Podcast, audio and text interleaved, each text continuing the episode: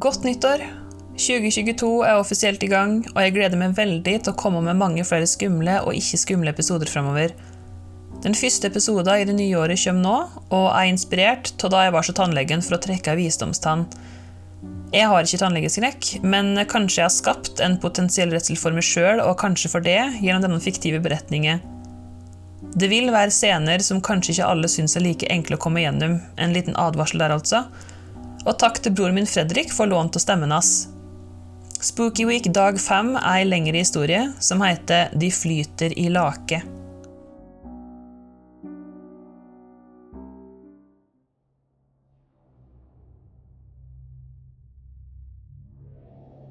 Har du tannlegeskrekk?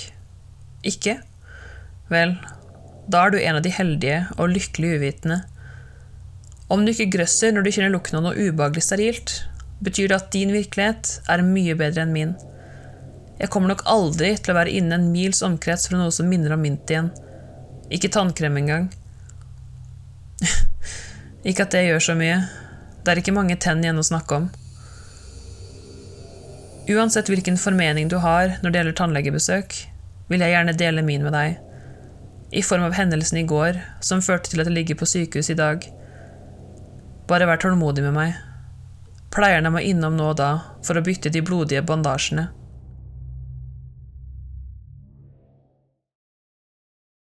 I går.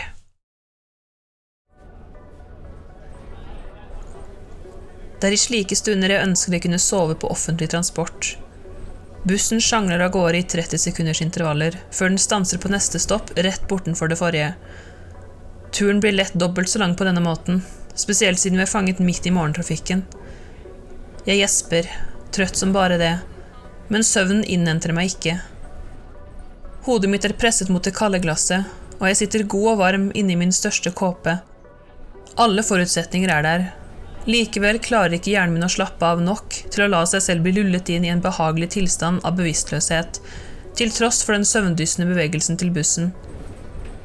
Jeg ser på sidepassasjeren min ute og beveger hodet, bare ved å flytte blikket så langt det lar seg gjøre. Det er en ung jente, kanskje studentalder. Hun har øretelefonene i og øynene klistret til mobilskjermen. Hun ser ikke trøtt ut. Jeg bestemmer meg for at jeg ikke liker henne. En rask områdesveip av de resterende passasjerene fører til den samme slutningen jeg tok om jenta en centimeter unna. De røde digitale tallene over hodene våre forteller oss at klokka er 07.34. Det er under en halvtime til tannlegetimen min, men jeg kommer akkurat til å rekke det i denne farten. Sånn er det å bo i byen, men ikke i byen. Tiden snegler seg av gårde. Jeg holder på å duppe av flere ganger, men blir avbrutt igjen og igjen av en rask iling med adrenalin som synger gjennom meg. Kroppen plent nekter å la meg få fred. Jeg gir opp, og følger jenta ved siden av meg sitt eksempel. Resten av turen bruker jeg til å scrolle formålsløst.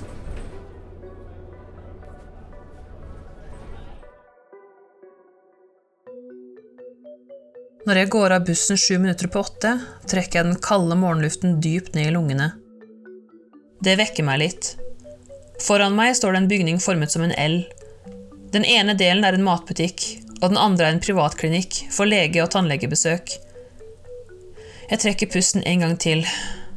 Jeg har ikke direkte tannlegeskrekk, men jeg kan tenke meg hundre andre ting jeg heller vil gjøre enn å være her akkurat nå.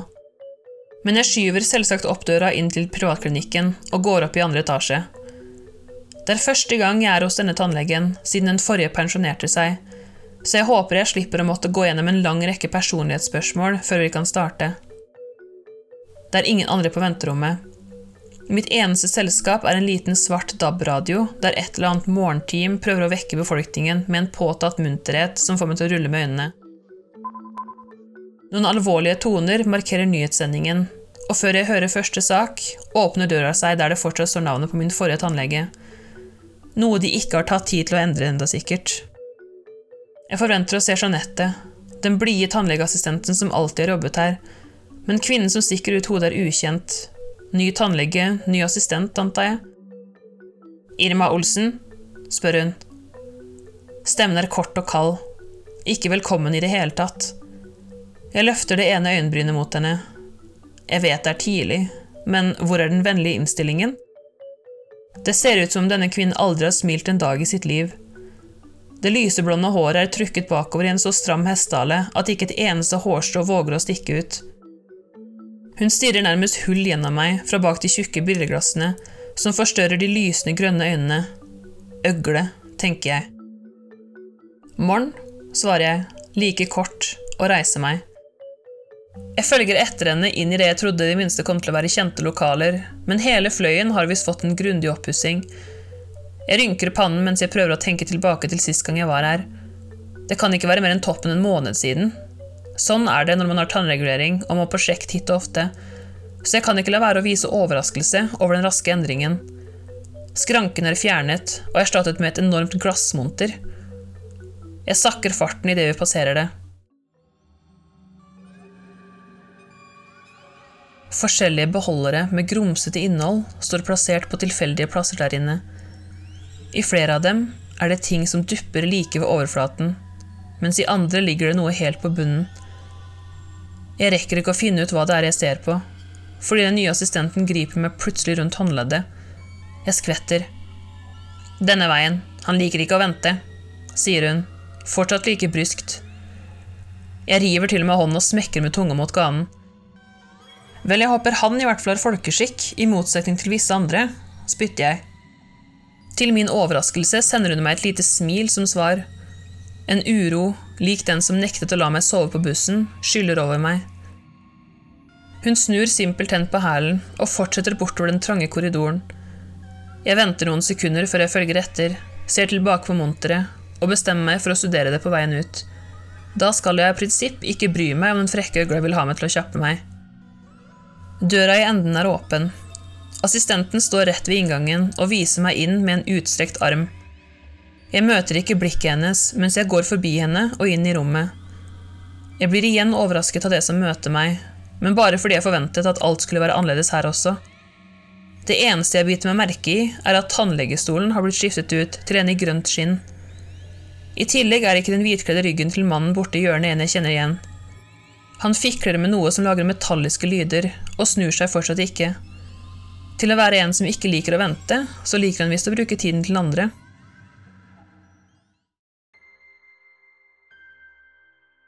Jeg skal til å kremte for å annonsere ankomsten min, men i samme øyeblikk spinner han rundt og ser meg rett i øynene. Jeg tar et halvt skritt bakover av intensiteten som møter meg der. I likhet med assistenten hans er det nesten som det gjemmer seg et lys bak øyeeplet hans. Han ser likevel mye eldre ut enn den forrige tannlegen min, og han pensjonerte seg, så jeg lurer halvveis på hvor lang tid det vil ta før denne blir skiftet ut. Jeg vedder på at det ikke er snakk om særlig lenge om man skal dømme han ut ifra den rynkete huden og det grånede håret. Uten et ord strekker han ut armen. Jeg tolker dette som en gest på at jeg skal sette meg. Jeg tar av meg kåpa henger den på stumtjeneren rett ved døra og går mot stolen. Men mannen stuper fram og tar tak i hånda mi med sin utstrakte. Jeg gir fra meg et høylytt gisp, og min første reaksjon er å hoppe unna. Han legger den andre hånda over min også, og rister den overraskende hardt. Så hyggelig å se et så ungt fjes, sier han. Jeg blir stående og stirre på han, mens hendene våre fortsatt er ubehagelig linket sammen, hva er det meningen at man skal svare til noe sånt? Jeg kjenner den ene munnviken min kruse seg til noe som minner om et smil. I like måte, svarer jeg bare. Han ler høyt og klapper hånda mi for han endelig slipper meg. Jeg ler litt brydd, men slapper mer av. Assistenten kommer inn og lukker døra bak seg. Hun går bort til der tannlegen nettopp sto, og fortsetter der han slapp med den metalliske klirringen. Tannlegen selv smiler til meg og viser til stolen med sikkerhet denne gangen. Jeg setter meg og blir øyeblikkelig var kulden som nærmest radierer fra skinnet under meg. Mens han smekker på seg et par engangshansker, setter tannlegen seg ned ved siden av meg på den lille, runde stolen med hjul. Hvordan står det til med tanngarden i dag? spør han. Jeg trekker på skuldrene. Helt greit, Reguleringa er litt stram, men det er jeg vant med. Tannlegen nikker. Han har funnet fram et munnbind, og halve ansiktet hans forsvinner bak det. Det virker som han gransker meg nøye før han sier noe mer. Hva med stramme reimer? Er du vant med det? Uroen gjenoppstår. Jeg blir så perpleks at jeg virkelig ikke vet hva jeg skal si denne gangen. Jeg åpner og lukker munnen et par ganger, så finner jeg stemmen min og hører selv hvor krass den er. Hva faen slags spørsmål er det? De stirrende øynene hans glimter til, og et merkbart skifte i luften får det til å gå kaldt gjennom meg. Mitt indre faresignal begynner å lyse rødt, og jeg vet at jeg er i trøbbel i det øyeblikket assistenten stiller seg ved siden av tannlegen med brettet av ting hun har forberedt. Ingen av redskapene der ligner det minste på skrapen og boret jeg er vant med. Flere av dem har skarpe tagger, og det er klart at det er én som er ment til å holde noe åpent. Jeg ser fra brettet opp til kvinnen. Hun har også tatt på seg munnbind, som isolerer øynene såpass at de nesten ser makabert store ut. Hun setter brettet på skyvebordet som står ut fra tannlegestolen. Jeg er i ferd med å reise meg nå. Dette er jeg ikke med på, uansett hva slags syk lek de leker med sine nye pasienter. Fortere enn jeg kunne forestilt meg, har tannlegen grepet rundt armen min og hektet den i en reim jeg ikke la merke til, som lå gjemt rett rundt hjørnet på stolen. Assistenten dukker opp fra ingensteds og dytter skulderen min hardt ned på motsatt side, så jeg igjen er tilbake i stolen. Jeg hører hvordan ropene mine går fra forvirrede til desperate på bare noen sekunder. Selv om hun er liten, er hun overraskende sterk, og den andre armen min er straks like fastspent som den andre. Hva er det dere gjør? Ingen av dem bryr seg med å svare. De tar tak i en fot hver og fester dem også, selv om jeg sparker og kjemper imot alt jeg klarer. Brettet med de skumle apparatene smeller i gulvet med et voldsomt leven. Når de anser meg som uskadeliggjort, setter tannlegen seg tilbake på stolen sin, og assistenten stiller seg pliktoppfyllende på den andre siden av meg. Tannlegen nikker ned mot rotet, som blir resultatet av kampen. Hun bøyer seg og begynner å samle sammen de glinsende løftene om smerte. Jeg fortsetter å rope av mine lungers fulle kraft. Det må da være noen andre i bygget, de deler jo tross alt plass med legekontoret. Men jo mer jeg skriker, jo mindre blir håpet. Midt i et skrik legger tannlegen en hanskekledd hånd over munnen min. Jeg prøver å bite han, men han klemmer bare hardere, og lyden av de hjelpeløse skrikene mine blir dempet. Med den andre hånden strekker han seg etter den avlange lampen festet til tannlegestolen, og retter den direkte over hodet mitt. Jeg blir blendet og dermed tvunget til å myse for å fortsatt kunne følge med på det som skjer. Mennesker får to sett med tenner. begynner tannlegen, mens jeg fortsetter å riste på hodet for å få vekk hånden hans. Assistenten hans har satt brettet tilbake på plass, og tannlegen setter opp en tenkende mine mens han lar blikket sveipe over samlingen med verktøy som blinker i det sterke lyset.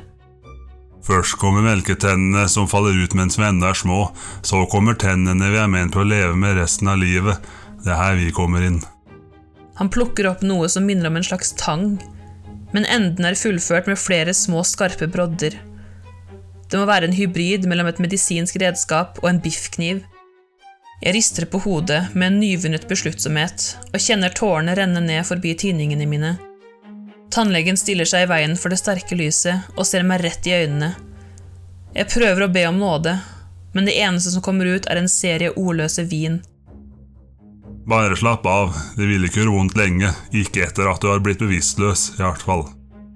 Han slipper endelig grepet, og jeg er fri til å skrike igjen, noe jeg gjør i gutturale gulp.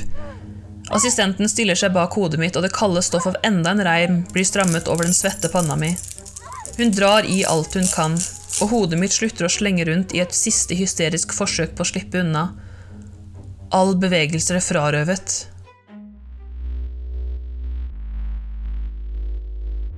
Jeg begynner å hulke.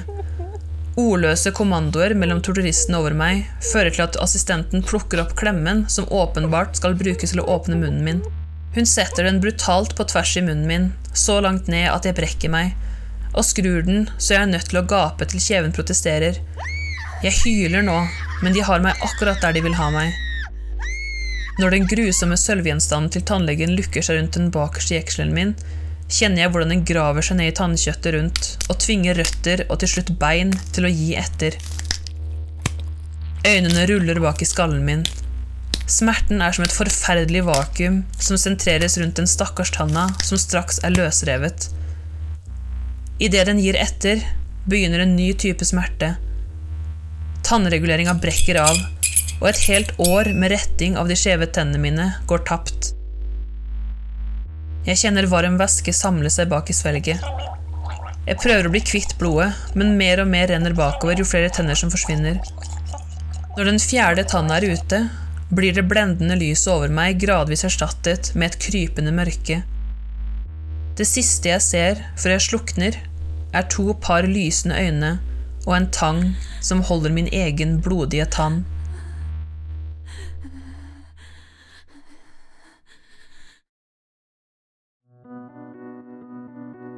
Nåtid. Komplett mørke har vært en velsignelse. Jeg har omfavnet bevisstløsheten de sterke smertestillende har tilbudt. På dette punktet ønsker jeg egentlig bare at jeg var død. Eller det er mer riktig å si at jeg skulle ønske jeg var død før jeg i det hele tatt tråkket over terskelen til det tannlegekontoret. Jeg ble funnet sent på kvelden, fremdeles fastspent, men flyttet til gulvet i hjørnet. Jeg så nok svært appetittvekkende ut, der jeg lå kveilet sammen i bevisstløs smerte med mitt ødelagte ansikt. Jeg har blitt fortalt at det var en tilfeldig kveldsrunde gjort av vaktmesteren som reddet meg. Han fortalte at det ikke var en operasjonell praksis her lenger, men at han fremdeles sjekket at alt av systemer var i orden nå og da. Jeg har rukket å tenke på hva som kan ha skjedd med forgjengeren til den nye tannlegen, men jo mer jeg tenker på det, jo verre blir det. Det ble nemlig aldri meldt noe sted at han pensjonerte seg. Det ble visst bare antatt. Du håper sikkert at de ikke fjernet alt jeg eier av tenner. Nei da, jeg har fremdeles igjen litt under halvparten. Der var jeg heldig, gitt. Huden min sprakk i begge munnvikene, mest sannsynlig av at de prøvde å åpne munnen like vidt som på en krokodille, så jeg har sydd fem sting på hver side. Det er derfor hodet mitt så å si er innkapslet i bandasje. Jeg har aldri følt meg mer lik en mumie i hele mitt liv, som er en setning jeg aldri trodde jeg skulle si. Du håper sikkert også at tanntorturisten og den helvetes øglekvinnen ble fengslet og er nå forhåpentligvis sendt til et land som tillater dødsstraff, men begge to var sporløst forsvunnet innen politiet kom seg dit. Den grusomme tannlegestolen var borte også. Det eneste som sto igjen, som kunne støtte historien min om det jeg hadde sett og opplevd, var glassmonteret. Hvorfor de valgte å la dette stå igjen, er noe som kommer til å plage meg til min siste dag. Innholdet der skal bli undersøkt, men jeg kan allerede fortelle hva som ligger i de motbydelige glassene. Jeg skal vedde mine resterende tenner på at de utrevne tennene mine flyter i lake i et av dem.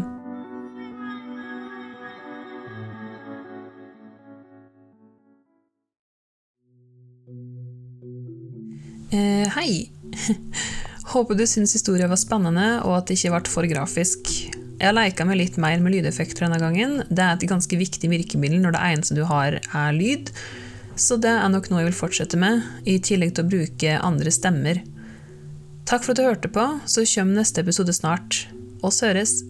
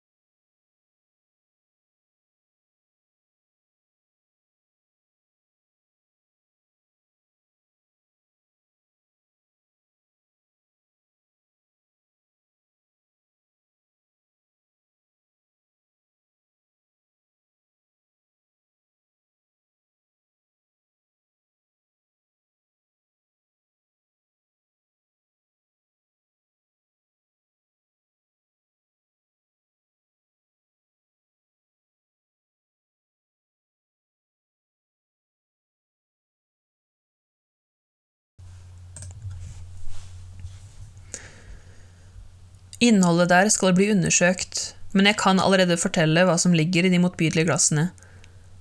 Jeg skal vedde mine resterende tenner på at de utrevne tennene mine flyter i lake i et av dem.